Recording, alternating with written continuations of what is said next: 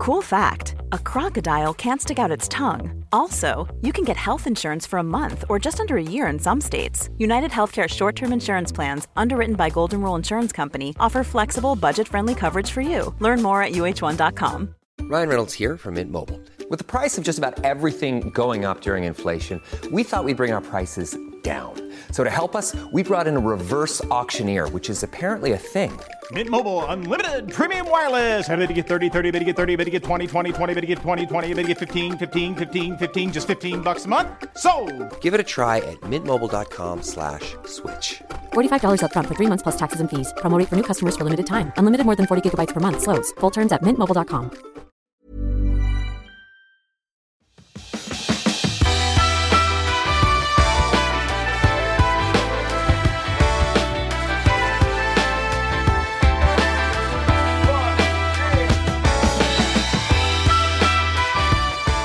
Hej och välkommen till Klimakteriepodden med mig, Åsa Melin. Vilken härlig energi jag känner för att köra igång med nya avsnitt igen. De här veckorna med uppehåll har faktiskt varit ganska sköna och bra för mig. Jag har kunnat repetera och fundera och hitta lite nya infallsvinklar och ämnen för hösten. Och så känner jag mig jätteladdad. Klimakteriepodden närmar sig tre år sedan första avsnittet släpptes och jag kan ärligt erkänna att jag är någon helt annanstans med mitt eget klimakterium än jag var där och då. Från att då vilja få bukt med egna problem som sömn, nattsvettningar, bilringar, vallningar och ett uselt opolitligt humör så har projektet Klimakteriepodden utvecklats till något mycket större som innefattar hälsa på ett bredare plan.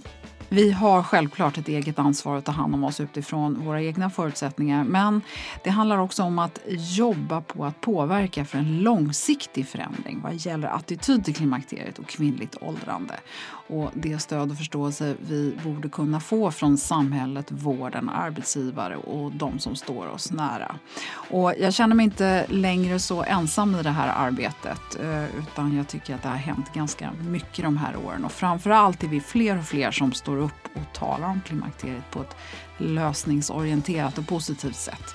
Och jag vill verkligen tacka dig som lyssnar som också är med och sprider kunskap och talar om klimakteriet. Man måste inte ha 10 000 följare på Instagram för att kunna göra någonting. Idag så ska du få höra Katarina Voxnerud som i grunden är naprapat med kvinnans kropp som specialitet.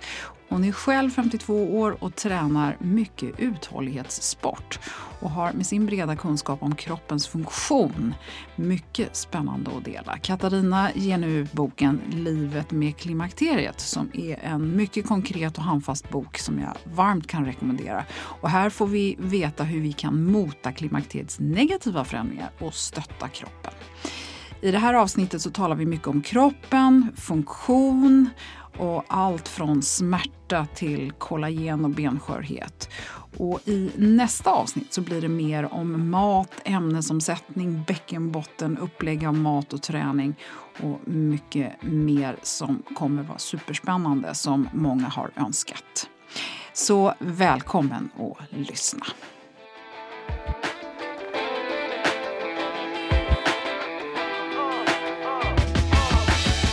Katarina Voxnerud, hjärtligt välkommen till Klimakteriepodden. Tack. Du, eh, vi sitter här på Hela Kvinnans klinik och det gillar jag. Ja, hela kvinnan, hela livet är det vi säger om den här kliniken, precis. Ja, du är i grunden naprapat och eh, du har jobbat väldigt mycket med utbildning kring träning och kvinnohälsa och sen har du på något sätt ända sedan 80-talet när du utbildade dig till naprapat så har du vidareutbildat dig och lärt dig massor om kvinnan och kvinnans kropp. Och nu är du aktuell med boken Livet med klimakteriet och det är inte den första du skriver. Eh, så du har skrivit mycket böcker tidigare men den har varit klar ett tag och så tyckte jag att det var så roligt när du sa att eh, du var inte så stressad över att utgivningen var senare lagd och jag tänkte så här, men tänk om någon hinner före. Men du kände inte så utan tvärtom, du gillar att alla pratar om det här. Desto fler som pratar om det desto bättre blir det och så tänker ju jag också. Men det som jag också blev så glad med när jag läste din bok eh, var ju att du tar upp eh, saker ur ett nytt perspektiv. Och du fick mig att förstå väldigt många saker som jag inte har förstått när det gäller kroppen. Vad kul. Ja. ja. Så det är här lite grann vi ska eh, börja, så får vi se var vi hamnar. ja, precis. Ja, det låter jättebra. Ja, men berätta lite mer om dig själv och dina utbildningar och vad, du har, liksom, vad som har lett dig till där du är idag. Just det. Eh, Jag är som du sa legitimerad naprapat och med kvinnoinriktning. Ehm, Och eh, jag har jobbat med kvinnors hälsa under säg de senaste 15-20 åren.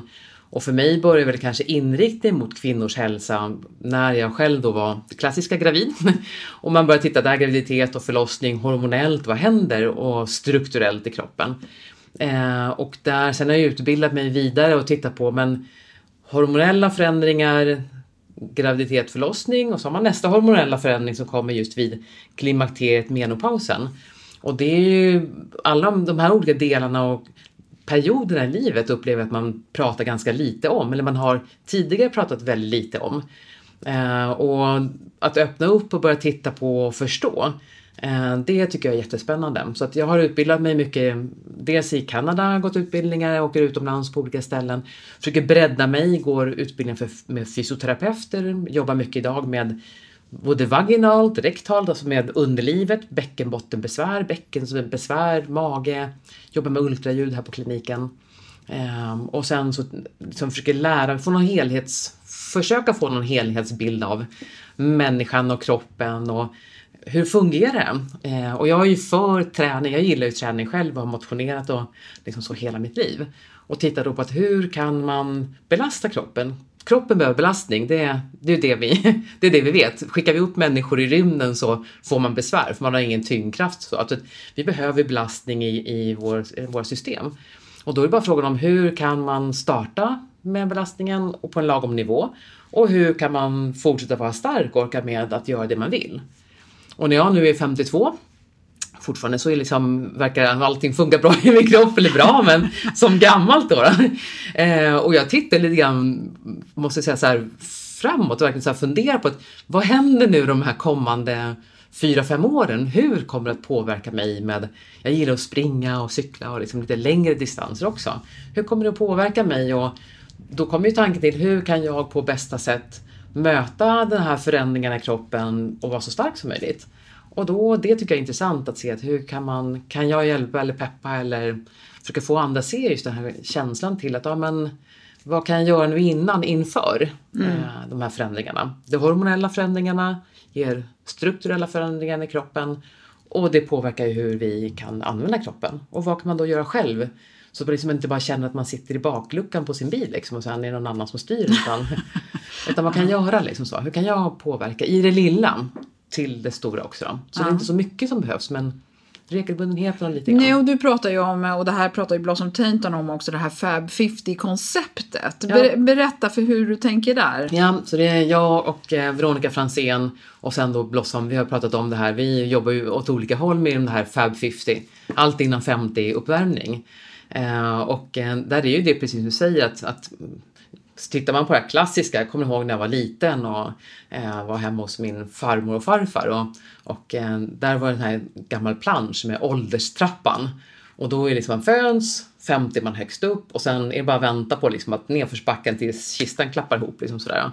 Och min pappa han var liksom någonstans 55-60 års åldern. Jag tänkte bara med skräck, men min jösses han är på väg. Det är, det är ingenting Jag kvar av livet. min pappa. Ja, han har redan varit på sin topp där förut. Och den här ålderstrappan tror jag finns någonstans i oss mer eller mindre alltså invävt. Att man, liksom, man har sin topp och sen är, går det bara ut för liksom så. Men att se att hur kan man plana ut den här kurvan och hur kan man förbereda sig för att det inte blir så, så brant nerför då på andra sidan. För saker händer ju i kroppen med åldrandet, helt klart. Men hur kan man göra liksom förbereda sig? Och, och allt är just, allt innan 50 uppvärmning, det är sen det börjar.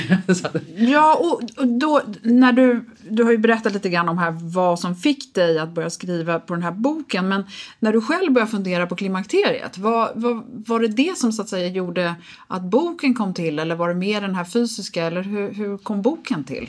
Eh, den kom nog till just både i det här att jag började leta och titta och, och söka väldigt mycket själv och, och samla material och kunskap och få en, försöka få en bild och förståelse av hur det liksom hänger samman utifrån det jag har jobbat med hittills då kring, kring eh, som naprapater med träning, med funktion i kroppen, hålla sig stark och belasta och sådär. Um, och då, då kom ju frågan just som sagt att vad, vad händer sen då? Vad händer nu? Mm. Jag börjar märka någonstans där också då vid, vid säg 45-årsåldern att 42 kanske först då händer någonting med lite återhämtning efter tuffare, tyngre lopp och träning. Um, och sen vid 45-årsåldern då kom det mer, då hade jag mer det här med svettningar om natten och, och vaknade och sådana saker. Då var det bara så här, oj vänta, shit det händer massa saker i kroppen. Ja. Um, och då är det såklart blir man ännu mer nyfiken och undrar. Så att allt, det har liksom varit en, en samlad process till att det blev en bok sen till slut. Då. Ja. Och sen har ju den blivit corona försenad också då som sagt. Ja, men nu är den på gång. Nu är den på gång. Du, eh, om vi börjar med det här, vi kommer tillbaka, vi ska prata om mat också så småningom, men det blir faktiskt, ni, ni får hålla er lite i skinnet här, för det här blir två avsnitt, så att vi ska komma in mer på näring, kost och så vidare. Men vi börjar med eh, att prata om mer om den här fysiska biten. Och det du förklarar i boken handlar ju mycket om så här, vad händer med hormoner och träning och vad behöver man eh, veta för att bromsa och stötta åldrandet. Och där har du också några sådana här bra eh, ordspråk. Och då, jag tänker ju direkt så här, aha, är allting östrogenets fel? Eller hur, hur är det här egentligen? Nej, utan det är ju ett generellt åldrande i kroppen i, för alla, både kvinnor och män. Eh, så att oavsett liksom östrogen eller inte så händer ju saker i kroppen med hållfastheten. Och sen är ju östrogen och våra snabba hormonella förändringar kring menopausen, det sätter ju snurr på allting mycket snabbare om man säger. Eh, men det sker ju saker och ting ändå oavsett liksom östrogenet. Varför på något sätt blir det så uppenbart och så tydligt plötsligt att vi måste börja tänka på vår kropp på ett annat sätt? Det är ju att östrogenet eh, påverkar ju hållfastheten mycket i, i kroppen, i vävnaden. Och eh, det man vet är ju att när östrogenet sjunker då som sagt påverkar sig alla olika system i kroppen. Och tittar man nu från det fysiska så får man ju påverkan på, på bäckenbotten, på muskler, på liksom lederna och eh, allting det snabbas ju på nu under menopausen just och när det blir så snabba förändringar så man märker det mycket tydligare. Um, och där är det som man sett också när till de som tillför östrogen till exempel, då kan man ju vända lite grann den här utvecklingen. Så att östrogenet har ju en väldigt viktig funktion i, i förändringarna i kroppen just då. Mm. Och, och vad är det vi ska göra då? Är det så här att finns det ett, eh, en, ja, en one size fits all eh, lösning här. Just det, nej. Och det är verkligen det att jag tycker det är jätteviktigt att man, att grunden tänker jag det är ju att vi behöver rörelse och, och liksom belastning. Det är det som, som vi behöver i kroppen. Och då gäller det att hitta någonting som ett funkar i vardagen, som man tycker är liksom vettigt för en själv. Och sen att man tycker det faktiskt är, är kul, i alla fall eller på lång sikt att det känns okej. Okay. det behöver inte vara jätteroligt första gången man provar men, men att man ser att det finns någonting där som man kan hämta. Det, det är okej okay, rörelse och, och motionsform som man ser. Och jag tänker liksom då att vi, om man ser hur vi har levt för, förr innan vi blev jättestillasittande så är vi gjorda för som sagt att röra på oss lite grann hela tiden. Så att det här med att man har planerade träningspass är ju jättebra och jätteviktigt. Men sen just man även försöker hålla igång så mycket som det går i, i vardagen. Och då får man ju som, som sagt sen se att var, hur mycket har jag rört mig hittills? Och hur kan jag då fortsätta eller komma igång mera nu? Så det gäller att hitta den balansen någonstans. Och jag tänker det, även då när man motionerar och tränar så tycker jag det här att titta på lite mer vad som händer i kroppen, att vi kan påverka vår arvsmassa eh, genom bara vardagsmotion. Då säger man som telomerer finns någonting som heter, ett litet fint namn. Man ser det är som plasten på skosnöret längst ut som, som hindrar att skosnöret frasar upp sig. Och den, det är någonting som i kroppen då har man typ sån liten plast i samband med vår eh, arvsmassa. Och då kan man med motion och vardagsmotion minska den här uppfrasningen så man kan liksom eh, förlänga, man kan förbättra kvaliteten i kroppen. När man rör sig också så har man till exempel våra muskler har man ju alltid tänkt är bara för som skapar rörelse i kroppen.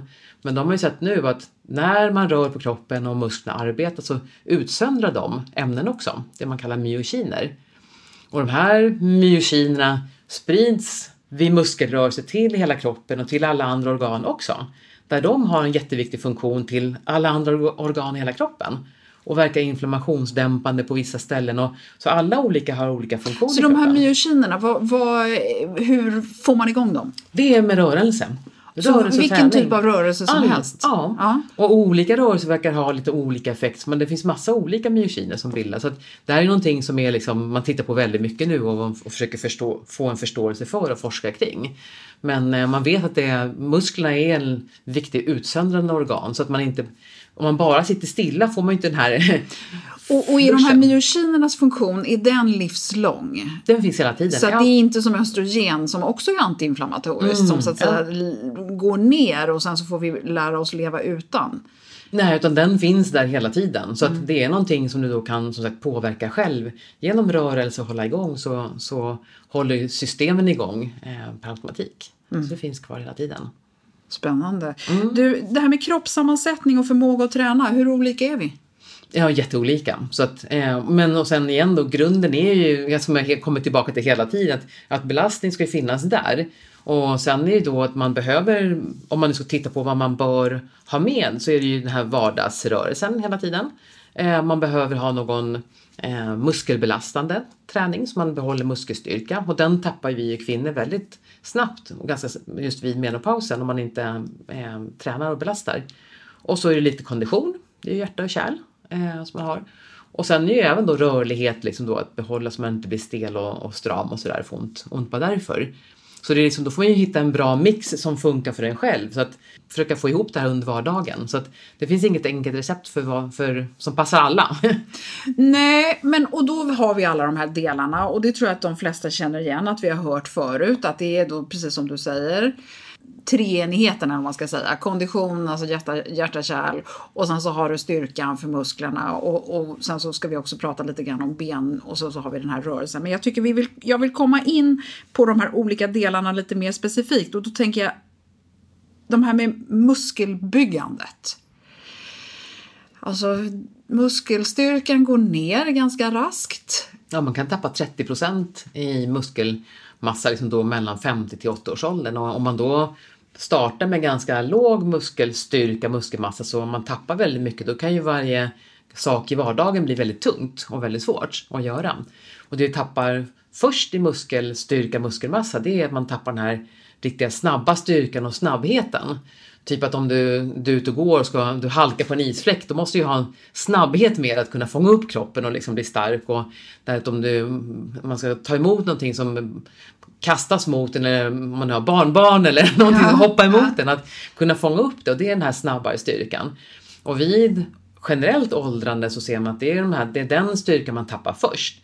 Så det är ju nerverna som dör, så att det är nerverna som skickar snabbaste signalerna till musklerna.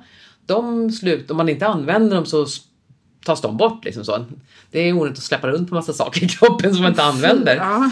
Så de, de försvinner då och då försvinner ju muskel, de här snabbaste muskelcellerna också. Eh, så att då blir man tappar snabbhet och styrka och den här mest explosiva delen. Eh, så det är ju en, en viktig del att behålla sånt och fortsätta våga träna det också. Våga lägga på mera styrka som kvinna. Ibland är ju kvinnor rädda för att man blir, tänker man vill inte ha jättestora svällande muskler och bli som så här, någon kroppsbyggare på så här helt plötsligt. Och man behöver inte vara rädd för det. Ehm, utan där är det verkligen då att mer titta på att vi behöver en tyngre belastning och även lite då ändå snabbhet och sådana. Men såklart behöver man ju ha en träningstid att vänja sig vid den typen av belastning. Så om man inte har tränat så mycket styrka hittills, så man inte bara börjar ladda på hur mycket som helst, utan du kanske behöver ett halvår på att vänja dig vid att trä- liksom, träna upp det till lite mer styrka just då. Och där kanske man också kan nöja sig med att göra ganska mycket med kroppen. Man Ja. behöver inte gå till ett gym och köpa ett gymkort och börja eh, göra komplicerade saker. Nej, och sen finns det ju även utegym och sådana saker också man kan gå till som finns på många olika ställen som man ser. Mm. Så styrkan i kroppen, muskelstyrkan är då det som man får den här starkare och snabbheten och att man faktiskt använder sina muskler. För det man har sett också är att om, även om man har en viss muskelmassa man kan använda i kroppen, om man inte använder muskler hela tiden, då kanske man till slut bara kan använda, utnyttja 70% utav det, de muskler man har.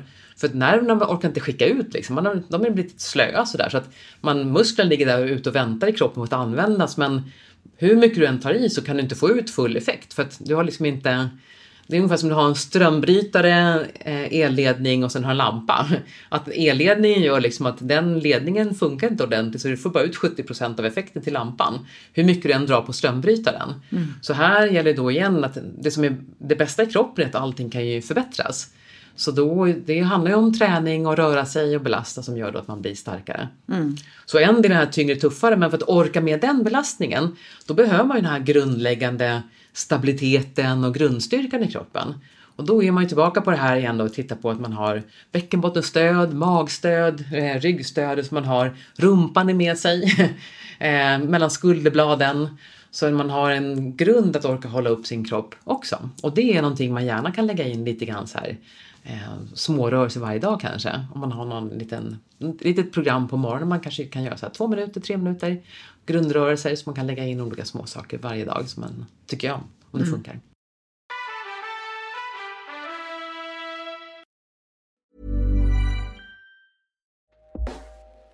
Hey everyone, I've been on the go recently. Phoenix, Kansas City, Chicago. If you're like me and have a home but aren't always at home, you have an Airbnb. Hosting your home or a spare room is a very practical side hustle. If you live in a big game town, you can Airbnb your place for fans to stay in. Your home might be worth more than you think. Find out how much at airbnb.com/slash boast.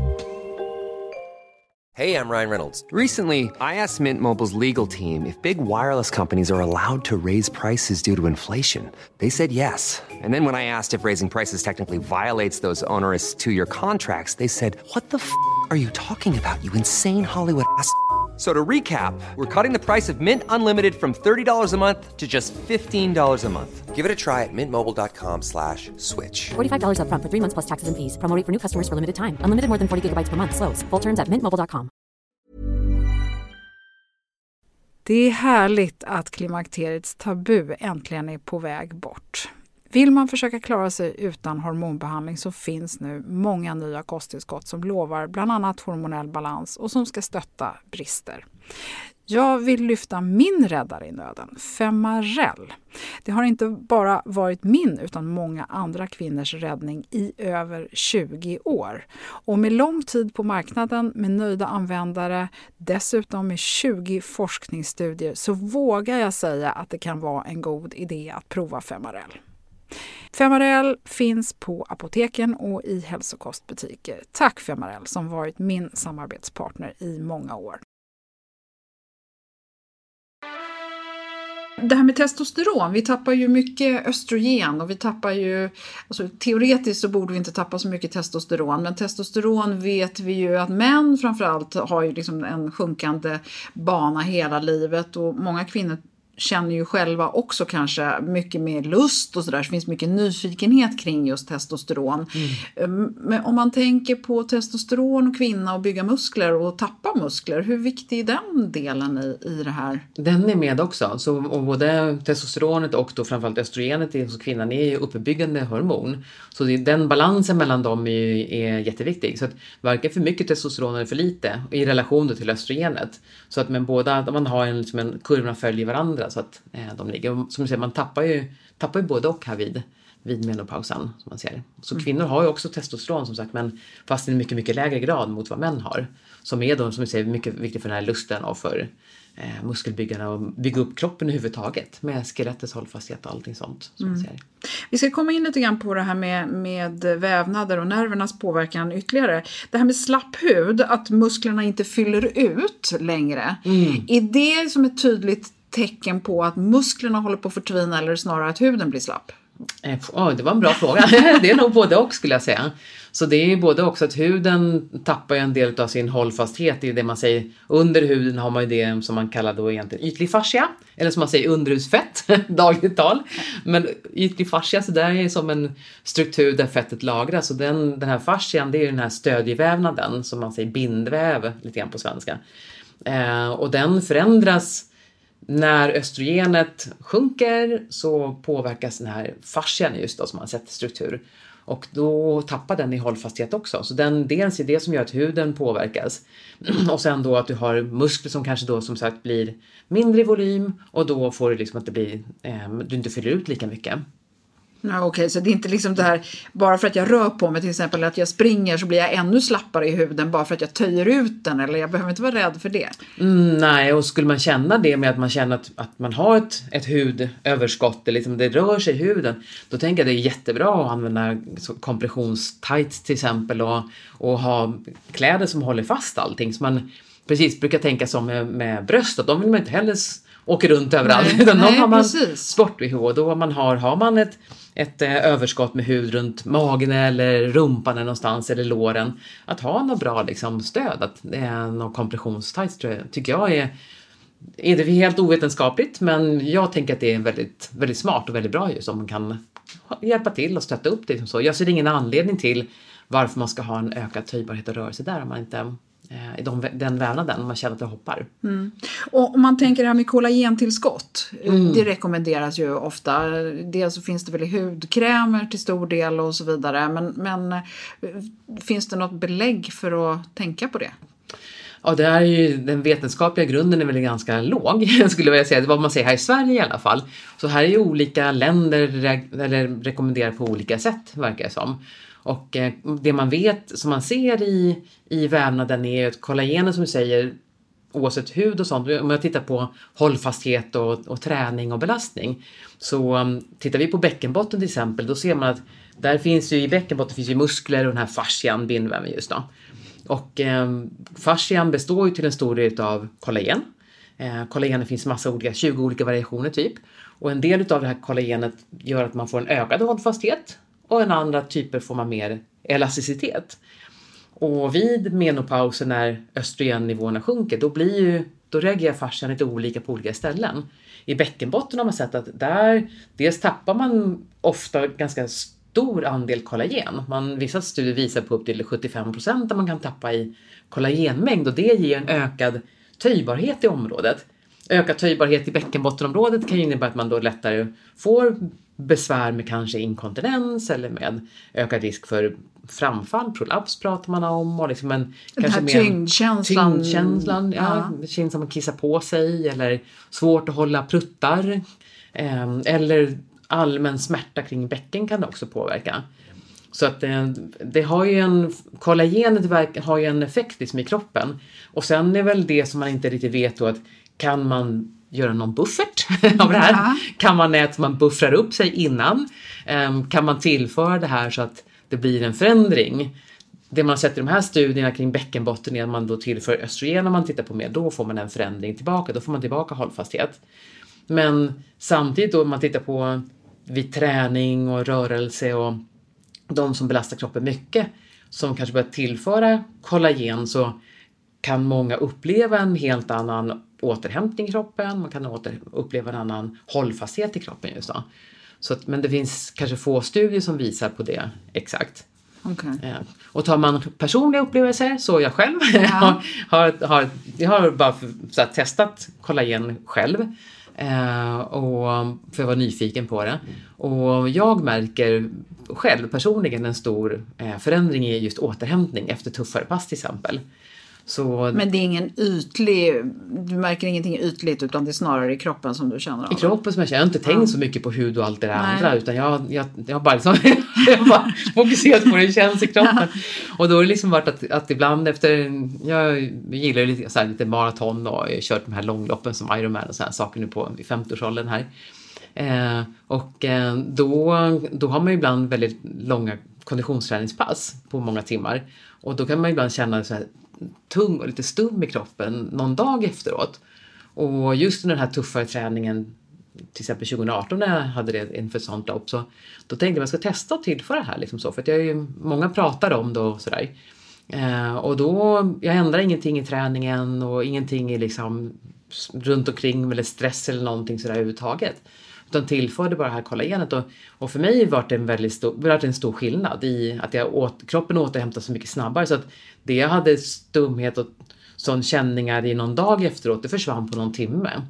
Och för mig var det en otrolig skillnad. Jag kanske hade världens kollagenbrist, vem vet liksom. Ja. men, men det kan ju, det, alltså. Ja, så man får det ta det själv man får ta det och, och sen får man ta det ett tag och sen får man se om man upplever Ja, se om man upplever ja. någonting. Och det finns väldigt lite som sagt vetenskapligt studie som, som stödjer det. Men eh, man kan prova om man nu vill. Eller, och sen, kollagen har en viktig funktion i alla fall i kroppen. Mm. Den har en viktig funktion i, i fascian just då som man ser.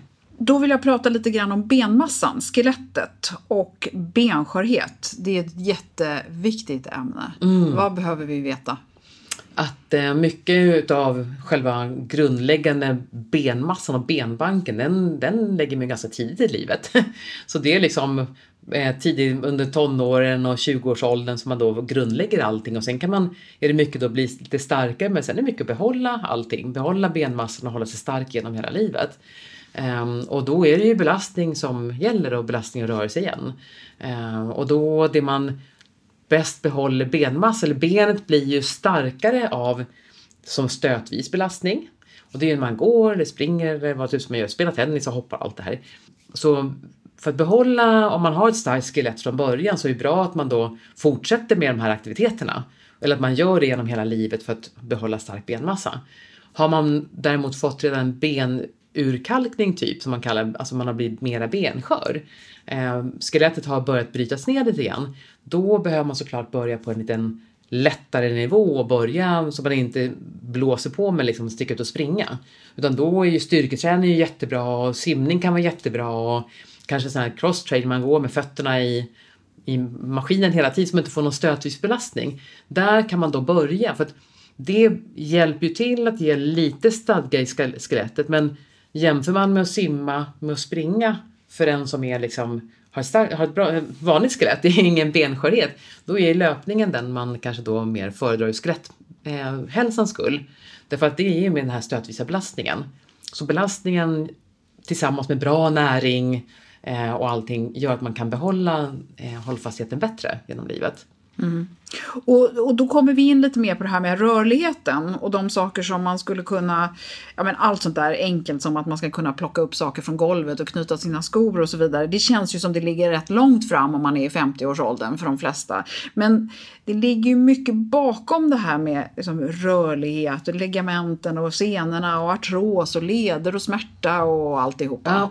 Och det som är intressant då också, som du säger, med vid igen då åldrande generellt, att när man då ser att man blir, lederna blir allt stelare, att det handlar ju även om då att ligament, ledbanden blir stelare och, och då kostar det mer energi att böja och sträcka på, på lederna, på musklerna till exempel. Om man böjer knät och sträcker knät, det kostar mer energi för att det är så stramt och stumt allting där runt omkring. Och musklerna börjar koppla hårdare mot varandra också. Så att de, man har inte, man har inte liksom, då blir det, när man rör, man jobbar med en muskel, då sprider den sin kraft till alla andra omkringliggande muskler också ännu mer. Så man tappar liksom i sin effektivitet i kroppen. Och det är också då vid mer stillasittande om man inte använt kroppen. Och igen, att det bästa är ju att allting det här går att förändra och få tillbaka. Så det handlar om att börja röra på sig på en, på en vettig nivå just och komma igång.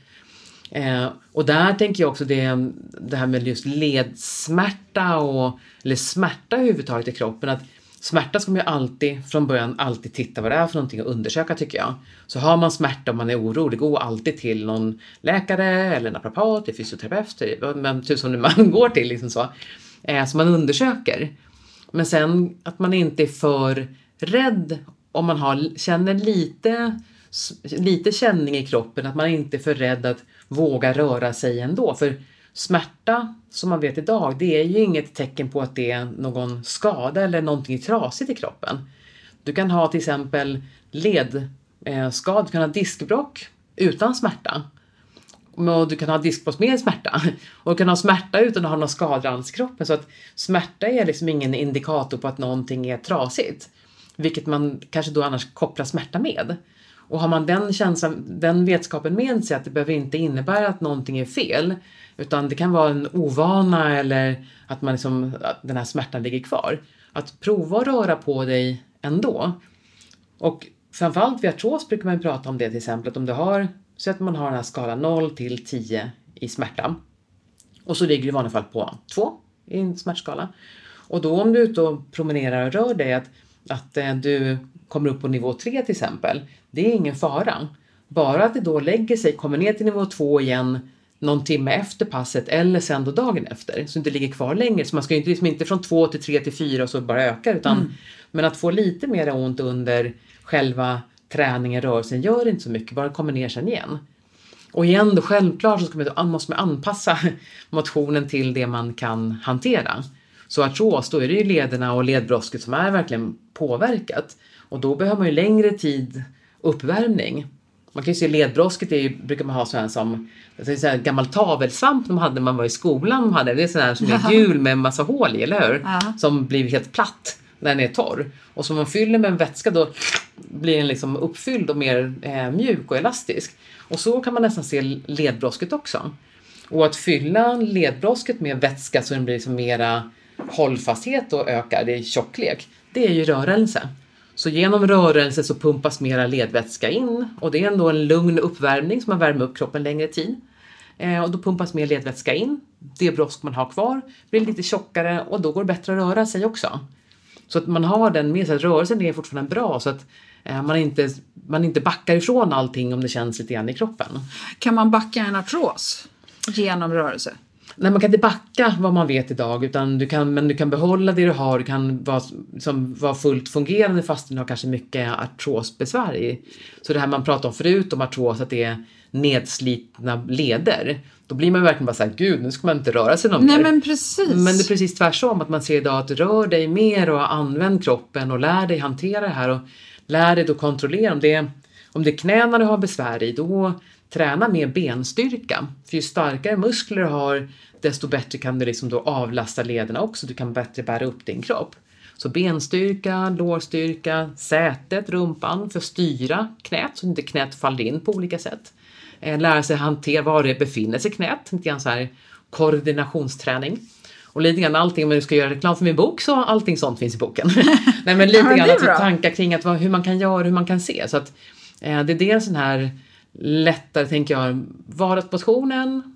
Eh, sen när man har lite rehab, prehab och så har man sin vanliga träning som man då vill hålla på med. Men då kanske vid menopausen och tänker jag framåt resten av livet att man har en, det kanske nu man behöver lägga in lite grann så här varje dag träning för att kunna hålla igång allting. Jag personligen måste jag ju säga att jag tycker inte det är jättekul att jobba med styrketräningen. Och då är det för mig det mycket lättare att göra tre övningar varje dag än att liksom behöva slita på gymmet eh, i en timme två gånger i veckan eller så. Ja. Nu kanske det är för lite egentligen, men, men förstår du vad jag menar? Mm. Man måste hitta ett koncept som gör att det blir av hellre än att det inte blir av. Helt rätt. Jag brukar säga så att det är, det är som här små rehab, prehabövningar, titta på. Man, om man nu har fått skador, fått ont och behöver lägga till någonting extra för att komma upp till smärtfrihet så gott det går och sen kunna komma igång igen. Att det är inte kul att borsta tänderna heller varje gång. Det är inte bara så här tjoho! Eller Utan men man gör ändå. Ja. Och lite grann när man tittar på vissa sådana här rörelser att ja, men det här är sånt man gör för att liksom titta på sina, det man gjort hittills med sin kropp eller inte gjort. Att man har, man har med sig massa saker som har hänt i kroppen hittills genom livet. Eh, och då behöver man kanske lätt, bättre hantera det nu. Och det är det som man just pratar om att en del kvinnor upplever ju bekymmer och besvär med bäckenbotten, magen och liknande vid menopausen dyker upp eller åren efter. Men det kanske är någonting som kommer från graviditet och förlossning. Att man fick saker som hände strukturellt vid förlossningen eller graviditeten, magen, bäckenbotten då. Och sen när du har de här alla vanliga hormonhalterna igång i kroppen så kanske du kan hantera det som har hänt strukturellt men sen när hormonhalterna sjunker och man får den här ökade töjbarheten i kroppen, då kanske man, de här besvären dyker upp. Och det är kanske då man börjar känna sig gud, det känns tungt i bäckenbotten eller det känns som jag kissar på mig eller magen pyser ut det känns konstigt här. Så att, och det kanske är saker som man då har haft sen förut. Och då får man börja titta på det och hantera och kanske börja med så små rörelser och övningar igen just som man ser. Vi ska fortsätta med det och vi ska prata om mat och vikt och kost för det är ett ämne som många kvinnor är intresserade av. Och vi ska prata lite mer om fett och protein och sådär. Men då får man hålla sig till nästa avsnitt för Katarina, vi sätter punkt för nu. Det här är så spännande och jag hoppas att du som lyssnar nu tycker att det är lika spännande som jag så att du hänger kvar. Så jag tackar dig för nu Katarina och så ser vi fram emot en spännande fortsättning. Tack så jättemycket.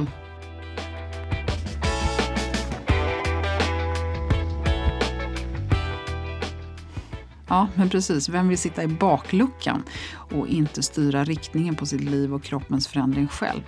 Jag tycker det är så spännande att eh, kunna påverka åldrandet och älskar tanken på en kropp med hållfasthet. Titta in på Klimakteriepoddens Facebook-sida där det finns länkar och lite övningar och utdrag ur Katarina Voxneruds bok Livet med klimakteriet. Det hittar du också på klimakteriepodden.se där du också som vanligt lätt kan bläddra bland tidigare avsnitt och vad de handlar om. I nästa avsnitt så fortsätter vi det här spännande samtalet och går då mer in på mat, ämnesomsättning, kosttillskott och en massa annat som många av er efterfrågar efterfrågat. Så det vill du inte missa. Vill du komma i kontakt med mig, Åsa Melin, så finns jag via Instagram och Facebook och klimakteriepodden.se. Så tack för att du har lyssnat och hoppas du är med snart igen. Hej då!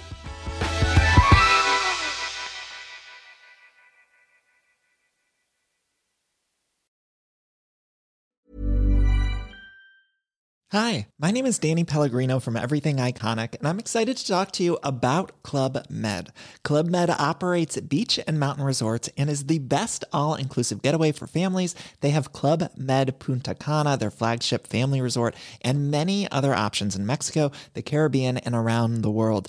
Club Med are the pioneers of the all inclusive concept, which is the best way to vacation. Great for families, groups, or even solo travelers looking for land and water sports, delicious food food, and a place to make unforgettable memories. Visit clubmed.us, call 1 800 Club Med, or your travel advisor. Join us today during the Jeep Celebration event. Right now, get 20% below MSRP for an average of 15178 under MSRP on the purchase of a 2023 Jeep Grand Cherokee Overland 4xE or Summit 4xE. Not compatible with lease offers or with any other consumer incentive offers. 15,178 average based on 20% below average MSRP from all 2023 Grand Cherokee Overland 4xE and Summit 4xE models in dealer stock. Residency restrictions apply. Take retail delivery from dealer stock by 4 1. Jeep is a registered trademark.